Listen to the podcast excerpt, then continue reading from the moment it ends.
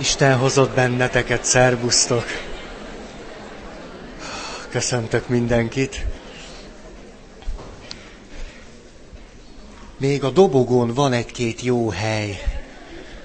Jó, az az, ahogy szoktam mondani, aranyérbarát helyek ezek. Hol is tartunk? Az Isten-ember kapcsolatról beszélünk, mégpedig az intimitás és a meghittség összefüggésében.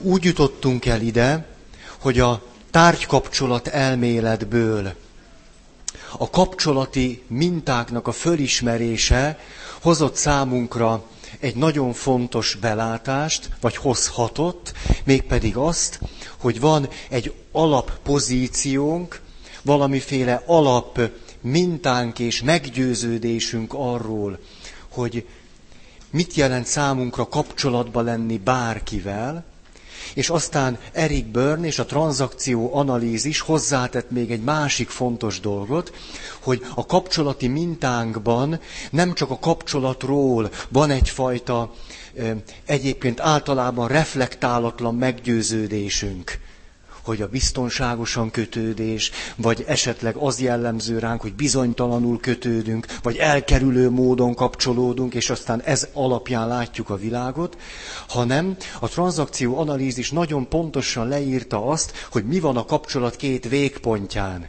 hogy mit gondolok akkor én magamról, és mit gondolok akkor a másikról, függetlenül attól, hogy ki is vagyok én valójában, függetlenül attól, hogy ki is az a másik, és függetlenül attól, hogy mi van a kapcsolatban, vagy mi lehetne köztünk.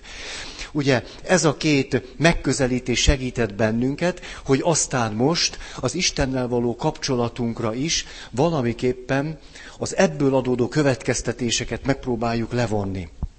És itt arról beszéltünk múltkor, hogy ha valami fontos, mondjátok meg. Szóval arról beszéltünk múltkor, hogy az intimitás, a közelítés, távolítás művészete, és hogy ez az Istennel való kapcsolatban is pontosan ugyanígy van, hogy a vallás, az sohasem csak azt az egyoldalú célt szolgálta, hogy hogyan tud az ember az Istenhez közel kerülni, hanem azt is, hogy hogyan tudja az embert megóvni attól, és itt jön a két most már vallásos kifejezésünk, hogy az ember megszállott legyen. Mert milyen jó lenne, ha az ember most a szónak legjobb értelmében az igaz és élő Isten megszállottja lenne. Csak hogy miért pont az igaz és élő Isten megszállottjai tudnánk lenni, mikor van bennünk egy kapcsolati minta. És természetesen hallatlan módon meg vagyunk kötve, és függünk mindattól, amire éppen csak örülünk, ha egy kicsit ránézünk.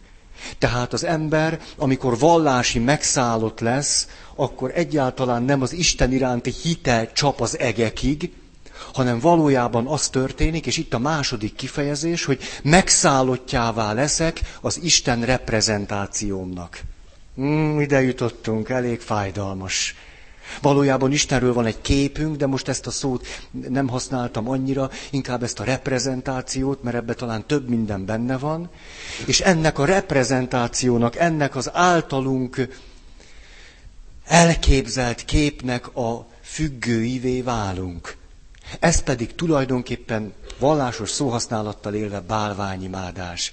És aztán ez mindig olyan, olyan megmosolyogtató nekem, ha én azzal kezdtem volna itt nektek, hogy ó, az ember bálványimádó.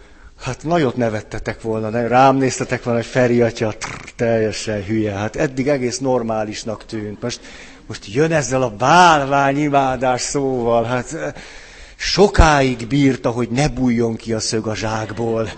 De most elvesztette a talajt a lába alól, és most kiderült, hogy ő is csak egy olyan, mint a többiek. Na, hát a bálvány imádás egyszerűen csak vallásos nyelven valaminek az idealizálása. Ennyi. Most te ebből a szempontból igazán mindegy, hogy az Ószövetséget olvassuk, és ott látjuk, hogy a választott nép nagy választottságában aranyborjút készít, és rárakja a táblát, hogy az élő Isten. Vagy pedig arról beszélünk, hogy az Isten reprezentációnkat idealizáljuk. Hmm, ugyanarról van szó. Csak az egyikre azt mondjuk, milyen röhelyes, a másikra meg, ó, milyen, milyen izgalmas gondolat. Ez már önmagában is lebuktat bennünket önmagunk előtt. Ó, mennyire nem a valóság fölismeréséről van szó, hanem hogy jaj, kapjuk-e úgy, hogy azt mi értsük. És ha jaj, hát akkor na jó, akkor megengedjük, hogy érthetjük. Na szóval, ide jutottunk, és akkor aztán tettünk egy villanást egy olyan területre, amit nem nagyon szoktunk a beszéd tárgyává tenni, hogy természetesen a kapcsolati mintánk, az én és a te reprezentációnk, az kihatással van az én és a közösség viszonyára is.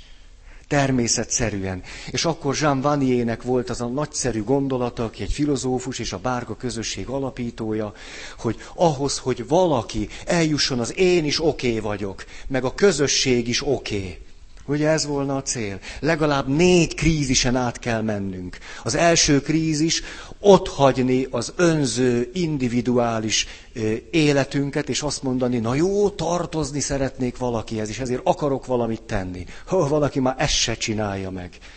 Mert, na, második krízis. Az az a krízis, amikor csalódok a közösségben. És azt gondolom, hát én még mindig oké okay vagyok, de hát a közösség nem. De mennyire nem? Magyar kaotikus egyház. És aztán a harmadik krízis, mikor arra gondolok, hogy, hogy az egyház engem nem fogad be. Nem, nem, a papok is nem fogad, nem szeretnek, mert, mert engem ilyennek látnak, meg engem csak egy bűnösnek látnak, engem csak egy ilyen megtérésre rászoruló kis békának. És akkor ez is persze az én fantáziám. Én azt gondolom, az egyház engem ilyennek lát, és akkor az egyház engem elítél, és elutasít, és azért, mert elváltam, az egyház engem nem szeret, azért, mert nem vagyok katolikus, az egyház rám köp, ki? Ki mondta ezt? Hát te. Te. És aztán ez a harmadik krízis, mikor azt gondolom, hogy engem nem szeretnek és nem fogadnak el, akkor nem kell az egyház, akkor dögöljenek meg, ahol vannak. Csak úgy mondom, hogy szoktuk mondani itt belül. Ó. Ja, Feri, miket mondasz? Csak, csak úgy, úgy normálisan. És aztán a negyedik fázis, mikor úgy rádöbbenek a negyedik fázisnak a krízise, ez pedig az, hogy ó, ó talán én nem vagyok oké. Okay. Vagy, vagy hát legalábbis nem vagyok úgy oké, okay, ahogy gondoltam. Talán nem csak az előző három dologról van szó, hanem rólam is. Ó, ez szokott a legnagyobb krízis lenni. És amikor átmegyünk ezen a négy krízisen, akkor eljuthatunk oda, hogy elfogadjuk magunkat is, meg az egyházat, meg a köztünk lévő kapcsolatot. Ez volt, és aztán az Isten képről beszéltem, de ezt most nem akarom már ragozni. És akkor, ugye azt mondtam végül, valójában arról van szó, hogy nem bírjuk kivárni Istent. Egyszerűen nem bírjuk őt kivárni. Muszáj, hogy valakit imádjunk. Egyszerűen muszáj, hogy valaki, mivel vagy valakivel kapcsolatban egy ilyen hódolatban legyünk. Ahogy ezen töprengtem a múlt héten, egészen föl magasztosítottam, idealizáltam ezt a gondolatomat. Arra jutottam, hogy ez már-már egy Isten bizonyítás. Isten bizonyíték hogy az emberben adva lévő, kikerülhetetlen imádat és hódolat utáni igény indirekt módon az Istenre utal. Á, és azért, azért, azért esünk állandóan nagy bajba, mert egyszerűen kikapcsolhatatlan ez a hódolat és imádat és rajongás utáni vágyunk. Nem? És inkább nem tudom én, Robert Redford. Ó, de lejárt már. Brad Pitt az sokkal inkább is egy modern nőt mondjatok, segítsetek ma. Liv Ullman. Istenem, ennyire öreg vagyok. Hát, kit, hát kit, kit, hát... Jaj, vala, jaj, tudom, tudom, jaj, de jó. Na szóval, összejöttünk Szent Család vasárnapján, azok a házaspárok voltak meghívva a plébániára, minden évben megcsináljuk, akik ünneplik az első, ötödik, tizedik, tizenöt, húsz, huszonöt, hatvanötödik évfordulójukat, ami a házasságkötést illeti. Nem az első megcsalástól számít ez. És hát akkor eljönnek, és, és akkor valahogy nem, nem is tudjuk, nem, nem is tudom miért, nem én szerveztem. A, én csak aranyosan ott voltam, ahogy szoktam, és akkor az volt, hogy a férfi meg a nő ki kellett találnia, hogy a házas társának ki az ideálja. Ú, brutális, nem? Ott ülnek 50 éve egymás mellett, és most ez óriási lebukás. Ú, ú, ú, én azt hittem én vagyok. De nem. És ez azért jutott eszembe, mert az egyik színésznő két szavazatot is kapott. Hat házas pár volt, és két befutó. Na, kit gondoltok? Nem reprezentatív a fölmérés. Nem, nem mondom. Tessék? Nem Barkochba. De amerikai ennyit segítek, nagy segítség, nem? Persze, majd Juliette Binos biztos. Tessék, Madonna.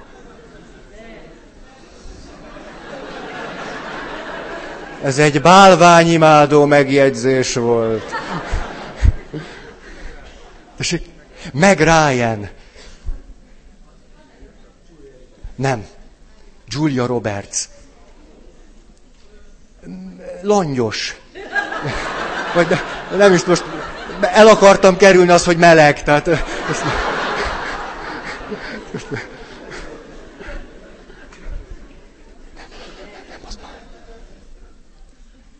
Elmondjam. Vagy tudjátok mit, majd a következő alkalommal. Milyen függők vagyunk, ugye, drágáim? Na szóval, Sandra Bullock. Ez jött be a katolikus pasiknak. Hát, ugye, na jó,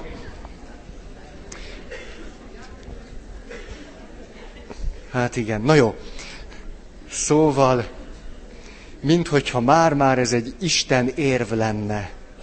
Muszáj, hogy rajongjunk, hogy, hogy muszáj. Egyszerűen jól esik. Jól esik. Ne, ne, nem esik jól? Fánnak lenni? Na. Aztán egy másik gondolat. Ha,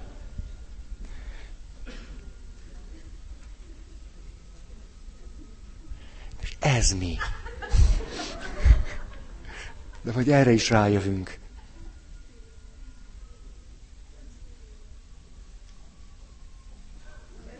Ennyiből nem jön be senkinek?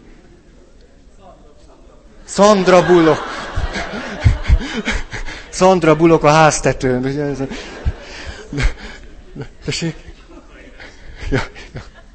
Kókai Rezső. A, na, hogy nem csak az Isten képünket, a, a bálványainkat nehéz elereszteni, elveszteni, és a függő helyzettől megszabadulni, hanem úgy tűnik, a hitetlenséget is nehéz elveszteni. Erre jöttem rá. Hát ugyanúgy tudunk függni a hitetlenségtől, mint a hittől.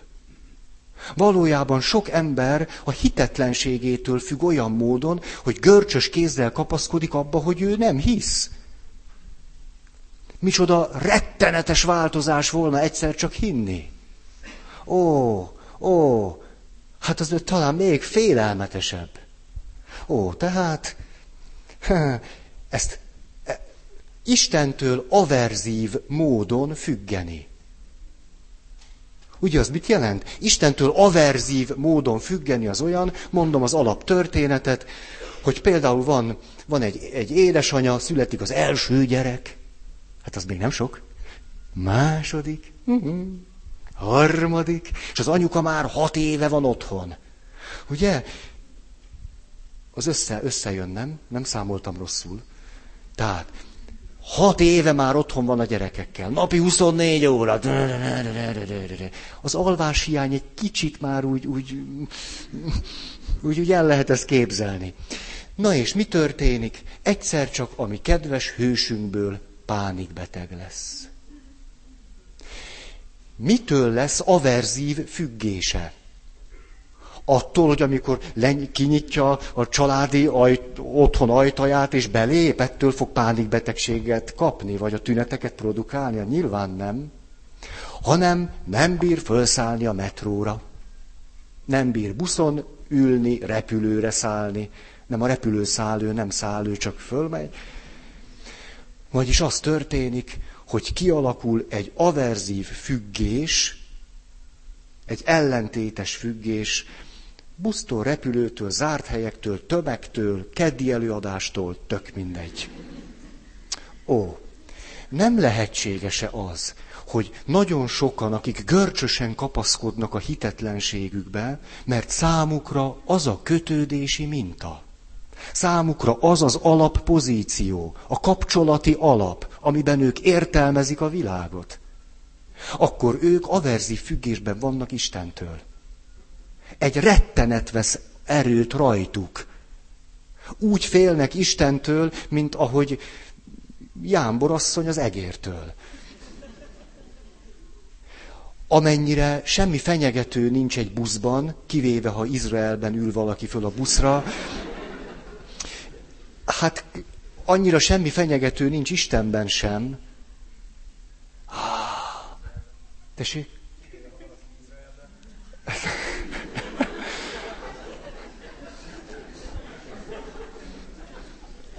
Kérem ennek a megjegyzésnek a törlését. Na. Ezért aztán beszélhetünk Istenfóbiáról. Én ide jutottam. Ha van egérfóbia, meg pókfóbia, akkor van Istenfóbia is. Ami úgy tűnik, hogy egy olyan félelem és egy olyan averzív függés, ami valamiről ment az Istenre. Eredetileg nem az Istenre vonatkozna, de ráment. Ráment, az Isten kapcsolat is ráment, meg sok minden. És ugye akkor eljutottunk oda, és egy gyors ismétlés, akkor tehát úgy tűnik, hogy valahogy mesefigurákban hiszünk. Jó, jó, az Isten képünk tele van mesefigurákkal. A jó tündér, az aranyhal. Kinek mi? Kinek mi? És a, a nekem például ugye, nincs itt az én kedves ismerősöm, hol vagy? Jól vagy? Nem látlak. Jaj, visszajöttél, jól van. Oh, jó. Egy lábbal jöttél? Oh, majd óvatos leszek. Na, hogy hol tartok? Ja, igen. Hogy most, hogy beléptem, kedves barátom azt mondja, te Feri, nem tévesztettette össze a jodamestert Obi-Wan Kenobival? Látjátok, így próbált engem menteni. Így, ennyire szeretnek. Mert hát a Joda mester mégiscsak legalább az obi van Kenobi volna az Isten képedben. De nem. Joda mester. Na puf. És akkor, hogy megint egy picit visszaszaladjunk a kötődési elmélethez, akkor Tudjuk ezt most már a kutatásokból, a 90-es évektől a kötődési elméletnek a tapasztalatait elkezdték az Isten kapcsolatra vonatkozó kutatásokra is kiterjeszteni, és innen aztán van egy csomó adatunk, és azt lehet mondani, hogy a biztosan kötődő embernek ebben a jaj, muszáj valakit imádni, ráteszem a borjúra, hogy te vagy az élő Isten, és akkor ti hogy nincs olyan értelemben előnyben, hogy ő is csinálja ugyanezt. Ami a biztosan kötődő számára előny, az az, hogy képes egy picit könnyebben váltani. Képes egy kicsit könnyebben föladni az Istenről, meg a magáról alkotott torz reprezentációkat. Mert számára valamiképpen a kapcsolat biztos. Ezért nagyobb bátorsággal tudja fölismerni azt, hogy talán amit eddig Istennek mondott, az nem is ő Vagy ahogy magát látta hívőként, vagy katolikusként, hát hmm. Ezért a biztos kötődés nem ment meg bennünket attól, hogy természetszerűen nagyon sok torz reprezentációs eleme legyen a képeinknek. De azért mégiscsak nagyon sokat segít, hogy amikor semmi biztosat nem tudunk mondani, mikor fogalmunk sincs, hogy ki Isten, és azt se tudjuk, hogy mi kik vagyunk, hogy akkor sem esünk olyan nagyon kétségbe. Mert tudjuk, hogy azért a kapcsolat mégiscsak van. Aztán majd lesz valami.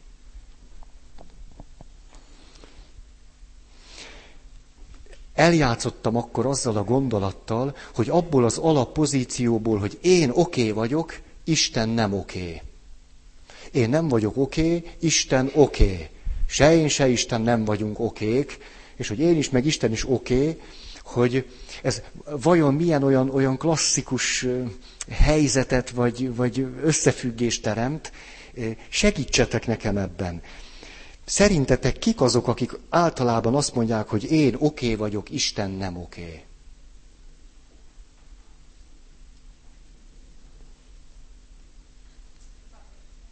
Ateisták. Tessék? Csalódott. Skeptikusok.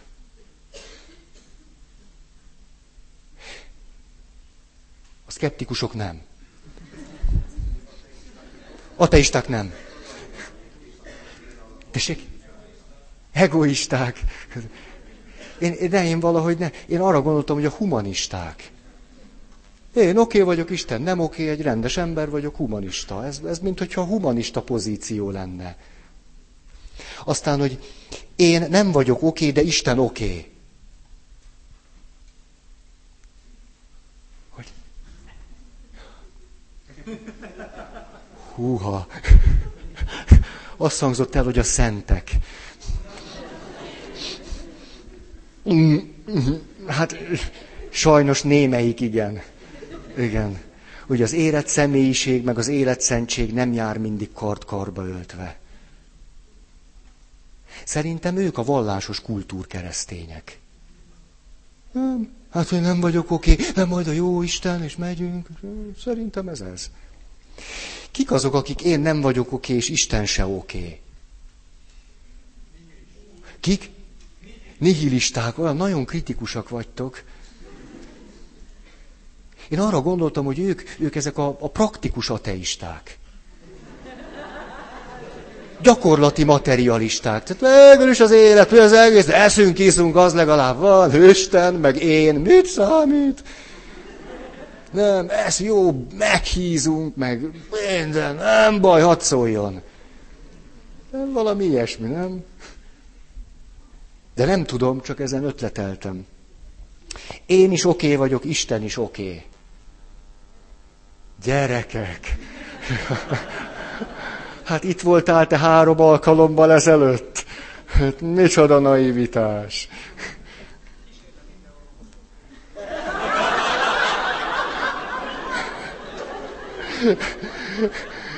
Hát ilyet még nem hallottam. Kísérleti teológusok. De az mi, hogy ők kísérleteznek Istennel, vagy, vagy velük kísérletezik az Isten, vagy ez Uram, leszek, leszek a te kisegered. És akkor szúrjál, itt van a bök, bök, aztán majd megnézem, tudok-e cincogni aszkézis után. Nem, nem, nem tudom, hát szerintem ők a hívők. Ugyanaz. Milyen sokféleképp látjuk az életet. Na, jó, lépjünk akkor. Na, sokféle, most kicsit mászkálok, az annyira jó, és szabadon járhatok, kelhetek, az benne jó. Szombaton nagy nap volt, hogy milyen sokféleképp tudjuk látni az életet. Szombaton nagy nap volt, mert a kilenc éves kis gyerkőcök életük első gyónását csinálták. Fő, micsoda szó. Na, és az történt, hogy hát, hát mi is től, hát én egy rendes pap vagyok. Természetesen átvettem velük a gyónás menetét. Az nagyon fontos. egy kilenc éves gyereknek fontos. Neked nem kell, hogy tudjad, de egy kilenc éves gyerek úgy is tele van stressz, frusztráció, szorongás, életem első gyónása, hát ilyen pici a gyomra, hát na, ná, hogy segíteni, hogy tudja, hogy így van, úgy van, majd, na. És akkor meg tudja valaki nekem mondani, hogyan megyünk be a gyóntató szobába? Úgy, hogy köszönünk. Peti, te vagy a cupp az éjszakában. Hogy köszönsz? Dicsértessék a Jézus Krisztus. Szuper, Peti. Mi történik ezután? Leülök és keresztet vetek. Rozi, tökéletes. És így végig mentünk a gyónás menetén, és eljutottunk oda, hogy azt kérdeztem, na és mondjátok meg, hogy amikor vége a gyónásnak, hogy mentek ki? Boldogan.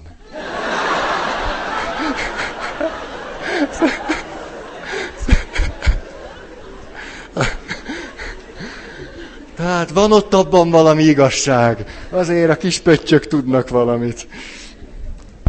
Na, szóval, mit is jelent akkor az, amikor, amikor egy egészséges hit helyett függő viszonyban vagyunk a saját Isten képünkkel. Ugye ez az egészséges hitben Istennel tartok kapcsolatot. Ennek a, az ellentéte függő viszonyban vagyok a saját Isten képemmel. Ugye ezt neveztük bálványimádásnak. Ennek mindig komoly ára van, és ez a komoly ár tulajdonképpen már kitalálható. Az egyik, idealizálnom kell a képet, a másik, ez realitás vesztéssel jár. Nincs mese. Csak is azon az áron tudom föntartani a reprezentációmnak az idealizálását, és hogy ráírom, hogy mennyei atya, aki szeret engem, meg minden, hogy a realitásból kezdek kicsúszni. Ezért a függés mindig, mindig egyfajta realitásvesztést jelent, és erről már az emberi kapcsolatoknál nagyon sokat beszéltünk. Mi következik ebből? Az, hogy függés alakul ki vallásos tárgyaktól. És ez a függés természetesen nem csak vallás gyakorló embereknél lehetséges. A, emlékeztek erre a klasszikus történetre, nem tudom, azt Max Planck, azt hiszem, hogy ő, ő vele történt, vagy, vagy a bor, már nem tudom, ment haza, és akkor látja, hogy a Pista bácsi a szemöldökfára szögeli föl a lópatkót. És ugye hát 20. század mégiscsak, te Pista bácsi. Hát, hát a 20. században a tudomány virágba borulásakor te lópatkót nyomsz föl a szemöldök fára. Mire a Pista bácsi azt mondja, csak, csak nem gondolod, kedves bor, hogy, vagy Schrödinger, vagy nem tudom, hát mégis a tények fontosak, a, csak nem gondolod, hogy én hiszek a lópatkóban, de azt mondják, a nélkül is hat.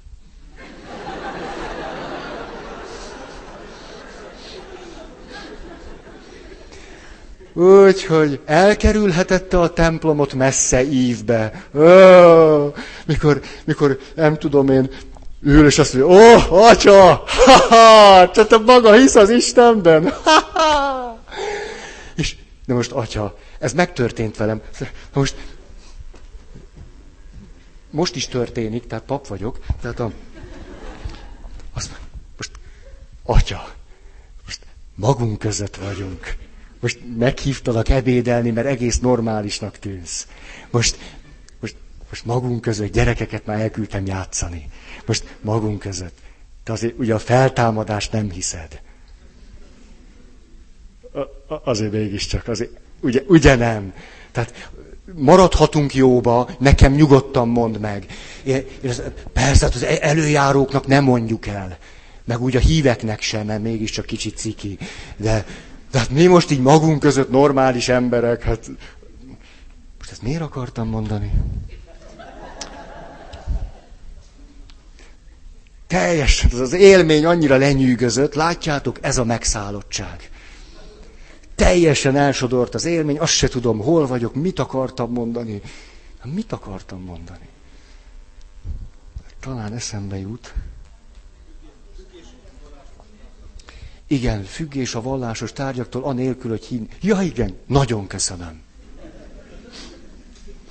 És akkor azt mondja, mert atya, végül is hát az élet, élet.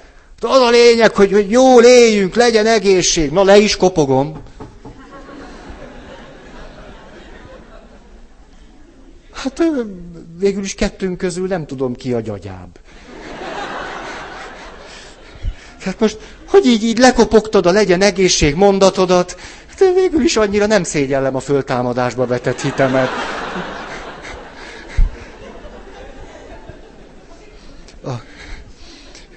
Szóval, nagyon sokféleképpen, tehát akkor vallásos tárgyaktól válunk függővé. Ezeket aztán idealizáljuk, abszolutizáljuk. Ilyen lehet például az egyház mint egy gigantikus vallási tárgy. Ugye, mi, mi a, én a katolikus vagyok. Hogy pusztuljon ki mindenki, aki nem. Volt egy, egy, vannak nagyszerű püspökök. Az egyik püspök szerényen csak annyit mondott erről a témáról. Én azt gondolom, az én karizmám az, hogy katolikus vagyok. Ez egy adomány. Egy ajándék a sok közül. Én adományom, hogy én katolikus vagyok. Ennyi. Nem az, hogy addig pumpálom, hogy ebben mindent betölt. Mint a, ki, a Ne, mindegy, úgyse jut eszembe. Ki volt a Krisztának az öccse? Hogy? Aladár az aladár jutott eszembe, ahogy a szódás szifonnal fölfújja az ötös jelű űrhajóját. El. Sokan ezt csinálják az egyházból. Vagy, ez ismerős, nem? Azt, én gyerekként ezt olyan, én mindig alig vártam. Az annyira jó volt, ahogy fölfújódott. Megvan nektek ez az élmény? a daladár. Na, szóval van, aki ezt csinálja az egyházzal, vagy valamelyik részével. A, jezsuita vagyok. Na és akkor mi van? Hát jó van, örülj neki, és kész. E, ezt lehet csinálni aztán lelkiségi mozgalmakkal, szektákkal, mit tudom én mivel ó, fölpumpáljuk. Aladár tudott valamit. Leengedte. Megjárta vele ott a mennyeket, aztán lejött, és azt mondja, mégiscsak itt van apám. Hát akkor engedjük le. Na. Egy érdekes mondat. Az egyház java, nem az egyház javai. Hű. Hű. Mit gondoltok, ezt kimondta? Úgy, úgy, csak úgy a foglalkozására nézve. Tessék?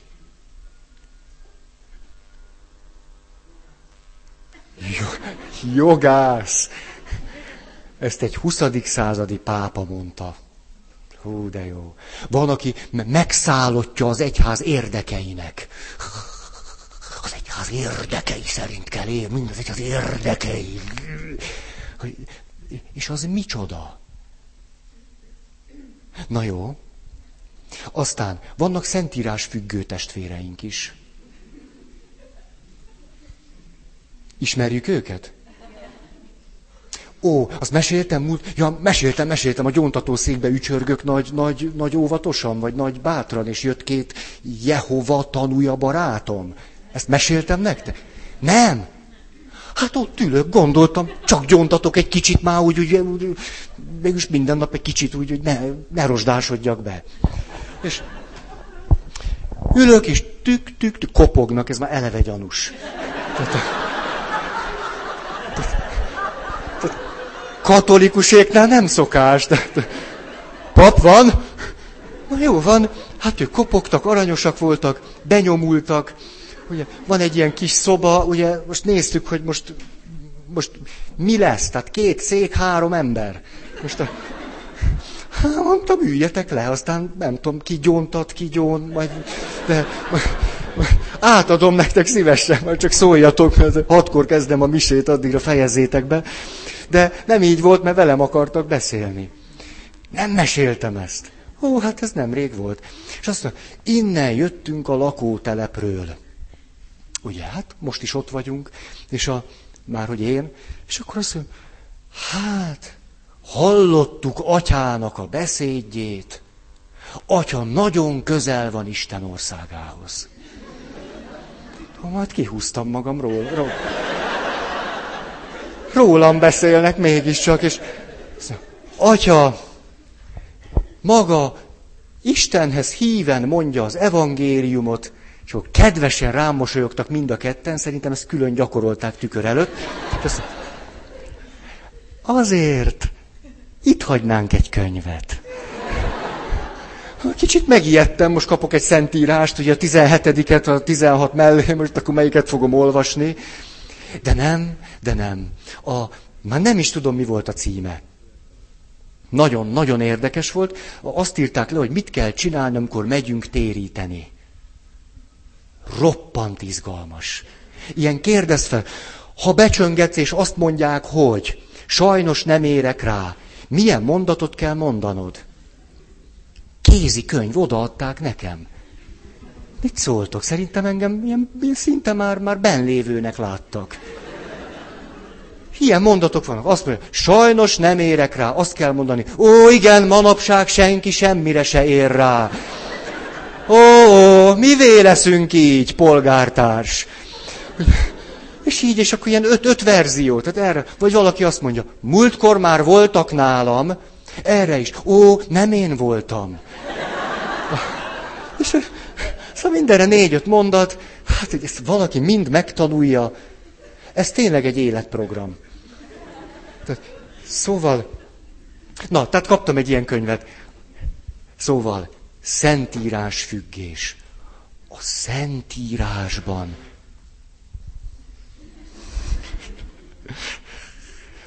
a szentírásban minden benne van. Hallottátok már ezt? Minden. Hát, hát én, nem, én nem tudom. Én nem, nem, nem tudom. Például, nem tudom, Csipke Rózsikáról nem olvastam ott. Pedig ezt annyira szerettem meg. Most akkor, akkor Csipke Rózsika nincs, ha a Szentírásban vagy. Én a Csipke Rózsikát akarom, a mupipőké. A, tehát ebből a Szentírásnak a bálványozásából tud csak olyasmi kijönni, nincs szó benne Darwinról. Evolúció, hülye vagy. Tehát e, e, e, ezek a képtelenségek, hogy nem tudom, hadat kell viselni a tudományjal, vagy én ezeket nem is értem. Uh, de jó, hogy már, már fény évekre lehetnénk ettől. De mindig vannak, akik a Szentírást bálványozzák, függő módon ragaszkodnak, és na. Aztán, ha, vannak, akik felekezet függők, vannak, akik vallásgyakorlat függők. Hát,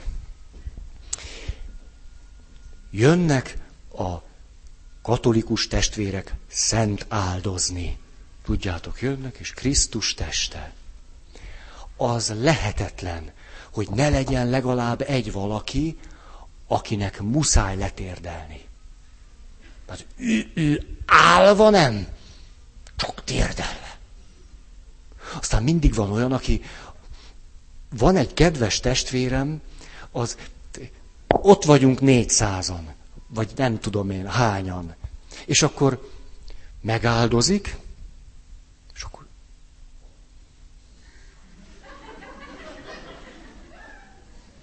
száz ember áll mögötte, mindenki, de hát én is Krisztusra várok, meg mi már itt állok, hogy tehát ezt, ezt már nem bírja megtenni. Tehát ennyit kéne. És akkor a másik is oda jut. Nem, a, nem is, nem is, szóval azt akart, hogy nem is értem, de hát értem én. Hát értem én, hogy ez a vallás gyakorlat függés. Mindegy, hogy mi, annyira mindegy, csak jó sok legyen. Tehát szőj át az egész napot, mind legyenek, és akkor... És aztán persze vannak istenfüggők. Az istenfüggő, ami hát tulajdonképpen ő szeretne függeni Istentől, csak Isten ezt állandóan nem engedi meg neki, ezért ő kikristályosít egy képet egy olyan Istenről, akitől tud függni. Isten azt mondja, hogy ez nem én vagyok, de ő, ő ragaszkodik ehhez a képhez, ő a fundamentalista. Az Isten függő, fundamentalista. A megszállott fundamentalista. Akkor a következő pont, ha, akkor ez azt jelenti, hogy a realitás vesztésünk különböző alakokat ölthet, különböző súlypontjai lehetnek és egy olyan dologra találtam, kicsit röhelyes lesz biztos nektek, hogy az nagy í helyett, Istenről beszélek, mindenféle kis ít teszünk. Ah, mindjárt mondom. Az elsőről már sok szó esett, Isten helyett idealizálás. Idealizáljuk Istent. Nem furcsa ez? Hát az Isten ideális, vagy Isten a teljesség, vagy a tökéletesség. Igen ám, de egészen más dolog, hogy én idealizálom Istent, vagy fölismerem őt, hát fölismerem, hát csak valami villanásszerű intuícióim vannak az ő teljességéről. Az egy egészen más folyamat. Hogy néha bele-bele pillantok egy-egy ilyen misztikus pillanatban Isten határtalanságába vagy nagyságába. Az szép az, az, az egy, egy, egy hitbe be tud épülni. Egész más az, amikor én az Istent idealizálom. Hiszen az Istent nem tudom idealizálni, csak az Istenről alkotott képemet tudom idealizálni. Vannak, akik ezt csinálják. Az Isten idealizálása, ami tulajdonképpen az Isten reprezentáció pumpálása, hát ez az, amikor valaki ragaszkodik, hogy az Isten olyan, mint az aranyhal. És ha ehhez ragaszkodik, akkor ő állandóan csalódni fog. Mindig és újból és újból, hogy miért nem olyan.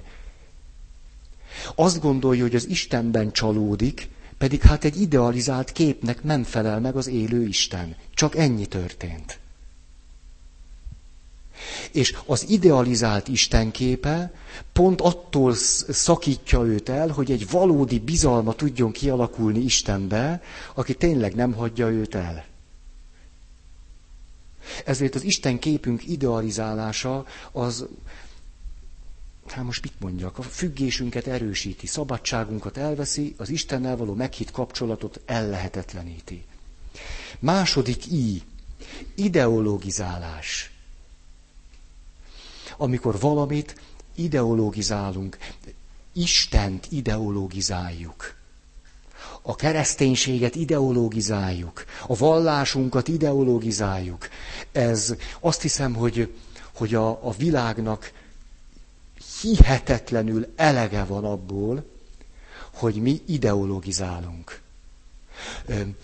Mit jelent az, hogy, hogy Istent ideologizáljuk? Például azt, hogy én azt mondom a gyereknek, az erkölcsi rend alapja az, hogy Isten nagyon dühös lesz rád, ha nem leszel jó Petike. Tehát Isten micsoda? Isten az erkölcsi rendet föntartó rendőr. Ugye a szülő erre használja az Istent, hogy megideologizálja Petikének, hogy miért kell jónak lennie. Hát én majdnem elájultam, az egyik szülő azt mondta a gyerekének, ugye ültek az első padban, és hát a gyerek mit csinált, így lóbálta a lábát. Hát mert nem ért le neki. Hát mit csináljon vele? Hát könnyű nektek, leér a lábatok, de hát egy gyerek így... És akkor azt mondta, azt mondta az édesanyja, hogy ha lóbálod a lábadat, a sátánnak integetsz.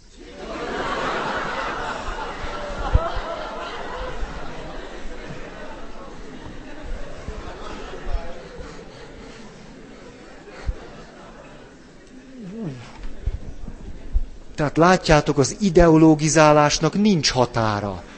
Tehát ha ideologizálunk, egyszerűen semmi se szent. De az Isten legkevésbé. Ebben az esetben Isten nem szent, hanem valaki,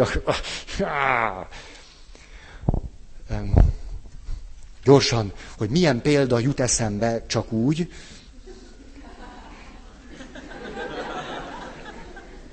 megtalálnám, csak kisbetűvel írtam, a példákat mindig kisbetűvel írom, ez a legnagyobb hülyeség, mert azt kéne a legnagyobb betűvel írni, csak ránézek, és jaj, képzeljétek, ugye nem ezt történt, képzeljétek. Ugye.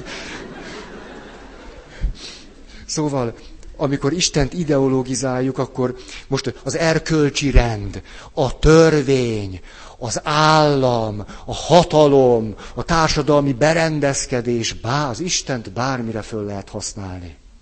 Szegény, hogy hogy bírja? Hát el is ment. Szóval, ezt visszavonom. A számomra legundorítóbb ideologizálás, amit az Istennel el lehet követni, amikor Isten az illem őre.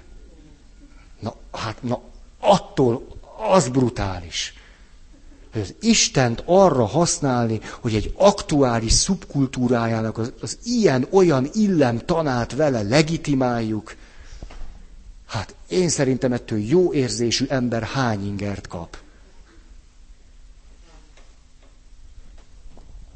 Vagy kifújja az orrát. Hát, na, valami be is szaladt itt most az előbb. A, a, azt hiszem meséltem nektek, hogy kicsit megtámadt az influenza, hogy keresztelés volt mézgáéknál. Na és hát meghívott a mézga nagymama, meg a mézga család, és akkor ott volt a, a kisgyerek, aki négy évesen vette fel a keresztséget, vagy három. Ugye addig lehet egy gyereket keresztelni. Tehát azért már volt neki öntudata. És akkor leültünk a konyhába, és hát a keresztelő papot megkínálták a finomságokkal. Keresztelni jó. És akkor, hát mit csinált ez a három éves kisfiú? Hát na, na hát normális három éves kisfiú, ki beviharzott a konyhába, hogy megállt, mm, és már repült is rá a sütire. Ugye, egész normális reakció.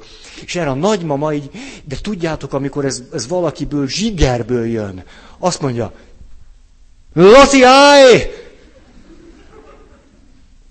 Ha elveszed azt a mézes puszedlit, a Feri atya még egyszer megkeresztel,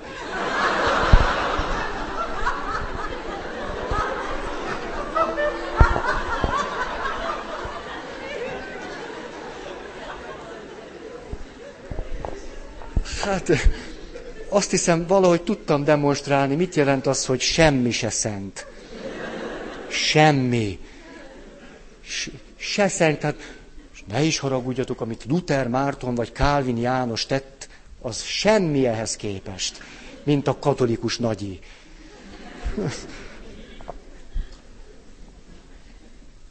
Na, akkor a harmadik, illúziók. Isten helyett kapaszkodni az illúziónkba. Hát, ezt most már nem ragozom, tudjuk mi ez. Sosem megkülönböztetni a képet a valóságtól. Aztán négy, infantilizálás. Ó, ezt tudjátok mi? Ez az, amikor valaki ott van mondjuk a mélyponton, és azt mondja, ó, ó, bár csak Isten segítene nekem. Egy őszinte vágy van benne, ki az, akihez fordulhatnék, aki... És akkor lecsap rá egy szekta.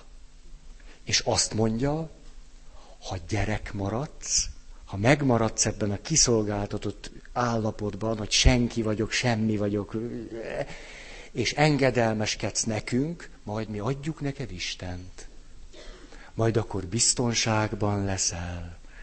Majd akkor, majd akkor fizeted a tizedet. Milyen érdekes, elég komoly ára van a biztonságnak. Nem? Ott aztán fizetik a tizedet. Ó, csak úgy füstöl. A legnagyobb vicc, hogy olyan biztonságért fizetik a tizedet, ami nincs is.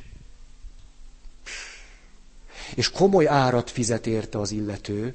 Személyiségfejlődés, ott aztán nincs fejlődés többet.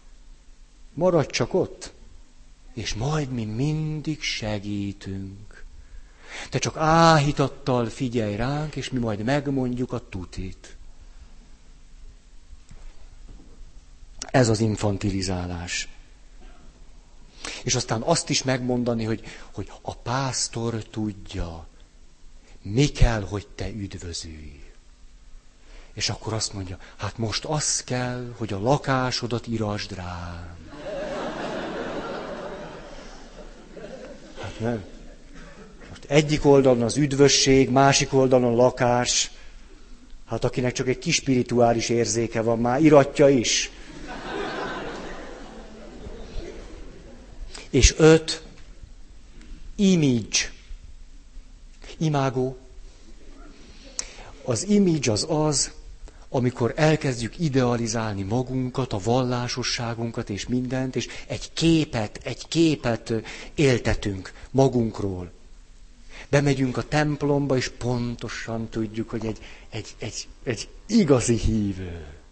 Ugye Jézus elmondta ezt a példabeszédet, hogy, hogy előre megy a farizeus, és hú, az órát nézem. De lassan telik az idő. Unom magam egy kicsit. A farizeus előre megy, én, uram, uram, én nem vagyok olyan, és hátul áll a, a bűnös, Uram, segíts rajtam, én nem vagyok méltó. Ugye ez a, ez a példabeszéd, ez a történet kultúrkereszténységben már régen nem így megy, hanem kultúrkeresztény testvérünk megáll hátul. Nem, én nem vagyok méltó. Ó, nem, szóljatok már. Ó, nem, nem, én itt állok. Nem, nem is ülök le. Csak állok. Ezek a rohadékok nem mondják, hogy üljek le. Hatvan évemmel. Majd szólok az atyának, hogy hirdesse ki. Én állok. Én ezt is. Uram, te érted? Itt állok. Sőt, te érted? Te érted, most bejövök ide a, az oszlop mögé. Így. Így. Én, én úgy veszek részt a Szent Misén, hogy nem is látlak. Ó, és akkor most még az oltári szentséget se látom. Ó. A, a rendes, a rendes, bűnös vámos meg oda megy az Isten elé, és azt mondja, Uram, tök mindegy, hogy hátul vagyok, vagy elől. Az rajtam nem segít. Na, szóval, image.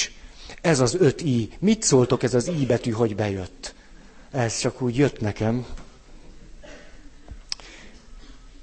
Egyébként a sátánnak jó a piárja. Jó, abban nagyon profi. Nagyon. Egy másik gondolat. A pocskondiázás az is az idealizálásból fakad. Amikor valaki úgy éli le az életét, hogy a papok, én azért nem járok templomba, mert van ez a Feri atya, nem is tudom a másik nevét, jobb is neki. Mert úgy följelenteném, mint a sütsz. Az jön, és miket mond? Hát én azért nem megyek templomba. Vagy voltam egyszer egy kedden. És van itt egy ilyen végtelenül egoista, hedonista, nihilista, biciklista. Hát a, amíg az egyház ilyen, addig én nem megyek be a templomba.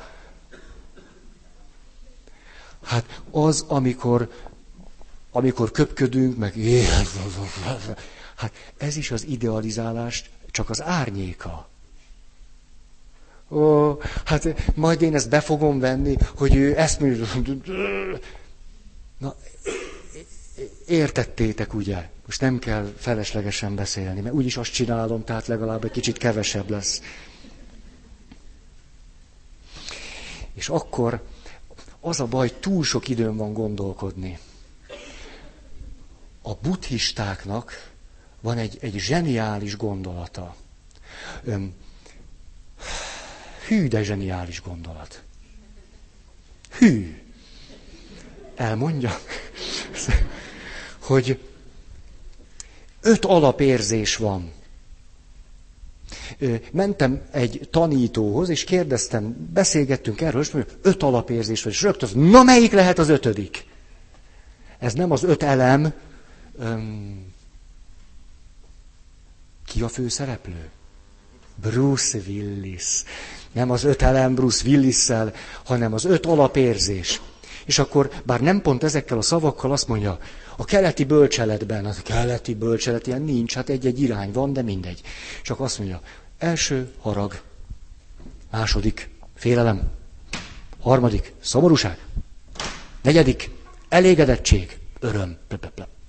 És van egy ötödik, egy ötödik alapérzés. És tudjátok, mit mondanak ezek a zseniális keletiek? Az ötödik alapérzés, vagyis a léleknek egy ilyen folyamatos lelki állapota, a gondolkodás. Hogy az is egy lelki állapot, mikor az ember állandóan így pörög, pörög, pörög, pörög, sose bír leállni. De izgalmas ez. Rájöttem, hogy hát ez az alapvető érzésem. Na úgy, hogy ebből a pörgésből kijött egy gondolat, azt mondja, hogy, hogy ha, ha a, a világ kihányja ezt az öt kis íbetűt, ugye mi azt mondjuk, hogy Isten ilyen, de tulajdonképpen idealizáltunk, ideologizáltunk, infantilizáltunk, illúziókat adtunk, vettünk, a világ ezt kiköpi nagyon jó érzékkel hány ingerük van, akkor, ha mi Isten nevében ezt csináljuk velük, az egyházzal, a hittel, a hány ingerük van. A világ elég szabad már ahhoz, hogy lebuktasson bennünket. És szerintem mi ennek nagyon hálásak lehetünk. Ugyanis az az Isten, ami nekik nem jó, az nekünk se jó. Csak mi még ezt nem fogtuk föl. Mi még mindig azt gondoljuk, hogy ezen az öt úton majd valami jóhoz jutunk. És amikor a világ azt mondja, na ezt nem, na ezt velem te ne csináld meg, csináltátok eleget, akkor nagyon hálásak lehetünk. Nagyon. Én legalábbis nagyon. A világtól nagyon sokat tanulhatunk, hogy ki az Isten. Éppen azért, mert ha hiszek abban, hogy az Isten, ugye Krishna, mit jelent a Krishna szó? Azért tudnak valamit. Nincs itt egy rendes, Krisna tudatú ember. Hát hogy éltek? Csak bolyongtok, lézengtek a világban. Krisna azt jelenti, mindenkit vonzó. De szép. Ez az egyik jelentése. Mindenkit vonzó. Hát ha én azt gondolom, hogy az élő, igaz Isten mindenkit vonzó, hát akkor nyugodtan ez bízzam rá, majd ő vonz mindenkit. Nekem csak az útból el kell söpörni ezt, azt, legfőjebb. És milyen jó, hogy a világ visszautasítja a mi Isten reprezentációinkat, és az abból fakadó hiedelem rendszereinket. Nagyon hálásak lehetünk.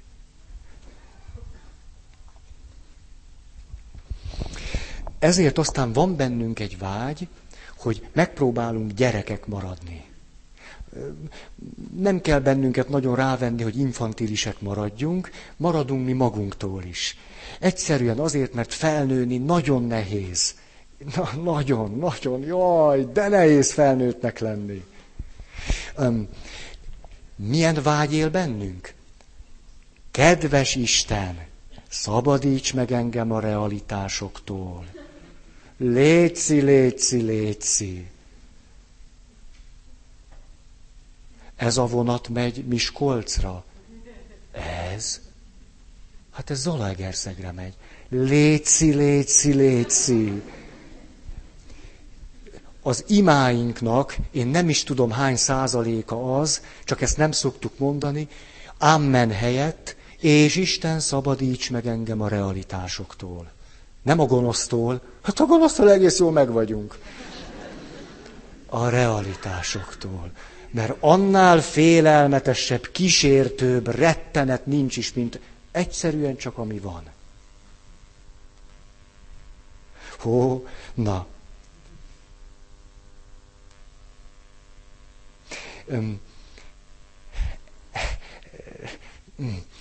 Ezért úgy tűnik nekem, hogy nagyon sokan azt gondolják, amennyiben egy ilyen függő viszonyuk van Istennel, most a szónak már eddig mondott értelmében, hogy választani kell a hit vagy a realitás között.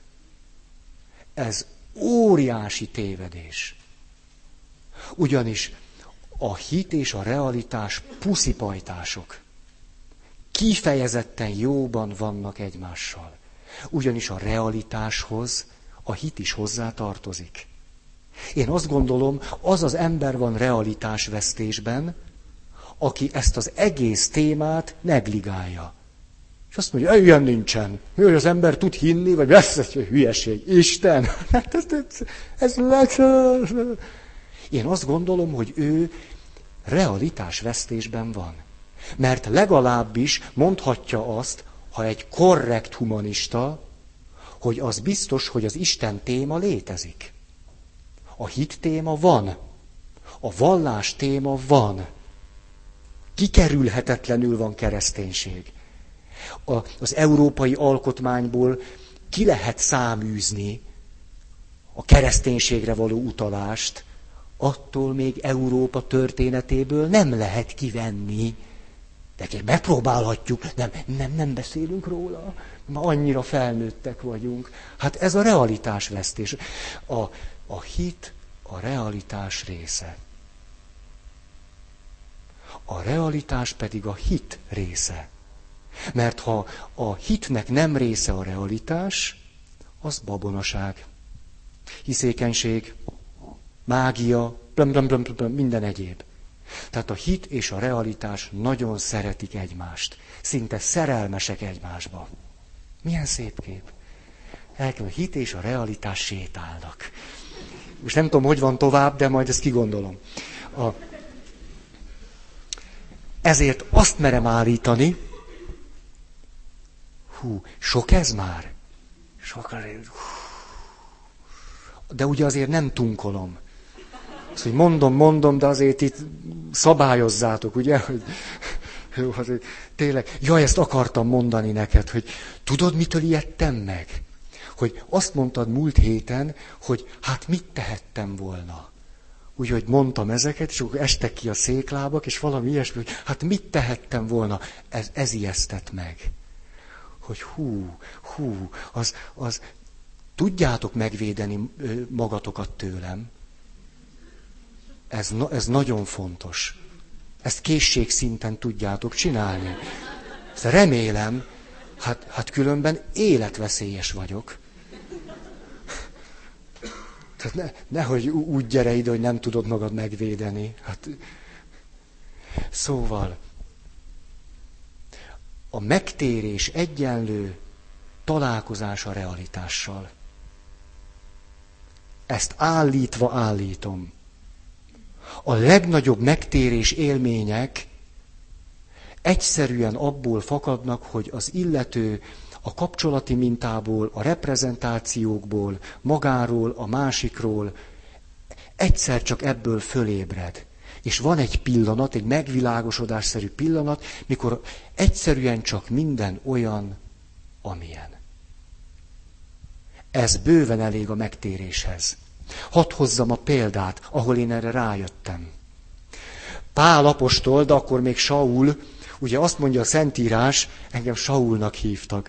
A, az atya, akihez jártam, és akinél lettem első áldozó, meg minden, ugye én felnőtt koromban, az engem Saulnak hívott.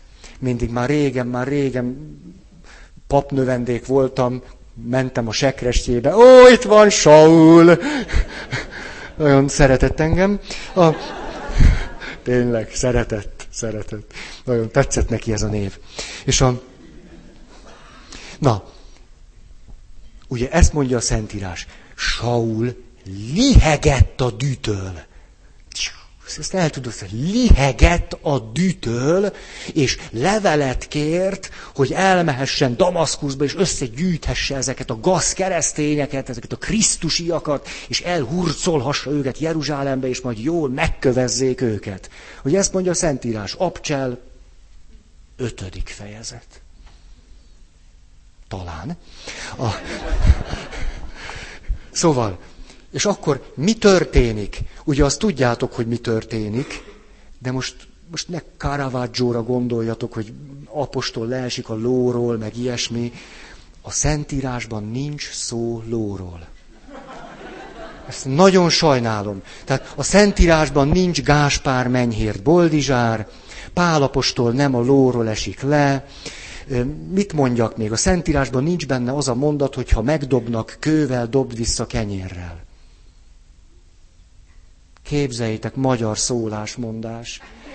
Az nagyon, ez nagyon mindig érdekes. Ateista emberek ezt szokták idézni a Szentírásból. Ezt rendszeresen, hogy hát én azért nem vagyok keresztény, mert hogy a Szentírásban benne van, hogy adó, megdobta kővel, dob vissza kenyire, na, csak ez nekem nem megy. Mondom, nagyszerű, még én se csináltam, soha, ez ne legyen akadály. Ráadásul nincs is benne a Szentírásban. Szóval, azért most meg tegye fel a kezét, aki meglepődött, azért... Na, ja, jaj, nem gondoltam komolyan. A... de te már múltkor is valami okosat mondtál, te, te bátor vagy. Szóval, na, látszik, valami jó reprezentáció van az agyadban. A, szóval, hát tudjuk, elesik. Ah, elterül, hall egy mondatot, és utána három napig, három, na, három napig vak, és akkor úgy kézen fogva vezetik be a városba. Ki emlékszik, hogy mi az a mondat, amitől az apostol meg földre esik, megvakul, utána megtér, és háromszor oda-vissza bejárja a korabeli világot? Ó, tudjátok, csak nem értettem. A... Csak úgy hallottam, hogy ez olyan, mint az én Héber vizsgám. Tudod,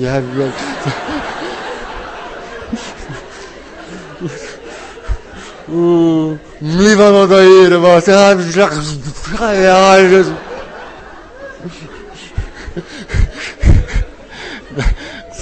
Szóval azt mondja, azt mondja ottan az Úr, hogy én vagyok az a Jézus, akit te üldözöl és erre az apostol három napra padlót fog, megvakul, majd megtér. Ettől a mondattól. Mit csinál Jézus? Egyszerűen csak oda megy Pálhoz, és azt mondja, mondanék én valamit magamról. Jézusnak hívnak. Itt vagyok, ez vagyok. Te meg az a Saul vagy, aki engem üldözöl. És mi a kettőnk közti kapcsolat? Hogy te engem el akarsz pusztítani. Szia, én mentem. Hát ettől kell megtérni, vagy ennyi. És hogyha most a Szentírást elkezdjük ebből a szempontból nézni, hát megdöbbentő, Jézus ezt csinálja az emberrel. Tehát nem ilyen, hogy na ülj le, papír, ceruzát vegyél, mert olyan tanít, titkos tanítás. Írjad, írjad, írjad, csak neked, és aztán elmélkedj ötven évig róla. De nem utasd meg senkinek, nagy titok. Hanem azt mondja, én az a Jézus vagyok, akit te halálra üldözöl. Ennyi. Amikor Bertalan apostol, ott ücsörög, és akkor Jönnek, hívják a testvérei, oda megy Jézushoz, és akkor mi történik? Jézus ott is lenyűgözi az apostolt. Ennyit mond. Bertalan, láttalak a fügefa alatt, ott ültél.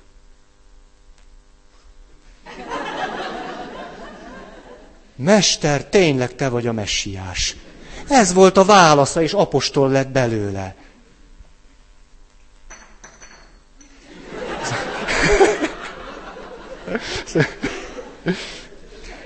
Örülök, hogy nem volt benne semmi.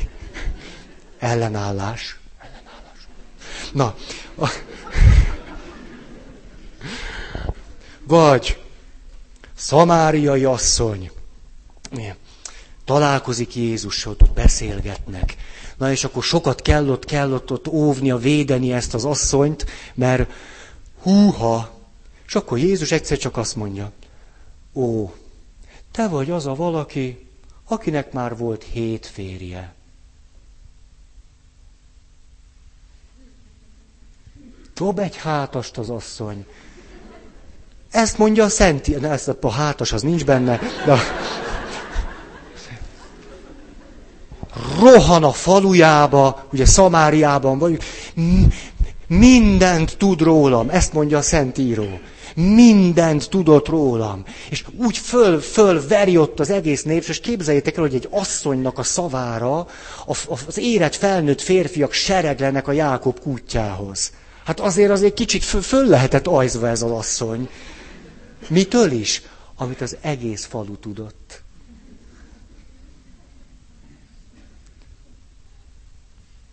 És, és, utána, és utána a történet úgy folytatódik, hogy, hogy azt mondják a férfiak, most már nem csak a te szavadra hiszünk.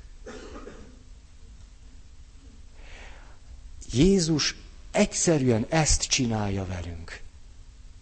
Egy picit azt mondja, nézd, nézd meg a valóságot, és mi ettől éppen padlót fogunk. Szebb szóval megtérhetünk. Péterrel mi csinált? Most látom, hogy ezt csinálta, szerencsére leírtam. Jaj, mekkora baklövést követtem el két héttel ezelőtt, hogy benne voltam, ugye kicsit megszállottam, beszéltem, és akkor mondom, hát, hát, mert nem úgy volt, hogy mire a kakas háromszor kukorékolt, Péter kétszer is megtagadta Jézust.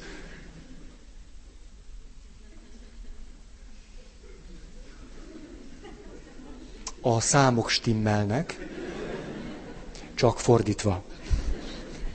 Tehát kétszer kukorékol, háromszor tagad meg. Na jó, de én nem gyerekkoromban jártam hittanra, akkor biztos meg tudtam volna tanulni ezt a bonyolult hitigasságot. A... De mindegy, összekevertem, csak tudtam, hogy valami a kakas benne van, ez biztos, ezt tudtam. És a... azt a számokkal mindig bajba voltam. Humán vagyok. Na, és a... mi történik? Ennyit mond Péternek. Te Péter, mire a kakas? Te megtagadsz engem, Péter el, folyik az élet, és egyszerűen csak megtörténik. Talán Péter nem csak azért, ugye azt mondja ott a Szentírás, keserves sírásra fakadt. Hát nem gondolom, hogy csak azért, mert hogy ó, hát Jézus megmondta előre, micsoda próféta, és nem. Hanem, hogy a nem jóját, hát ez tényleg így van. Tehát a realitás, a hit és a megtérés egy triád.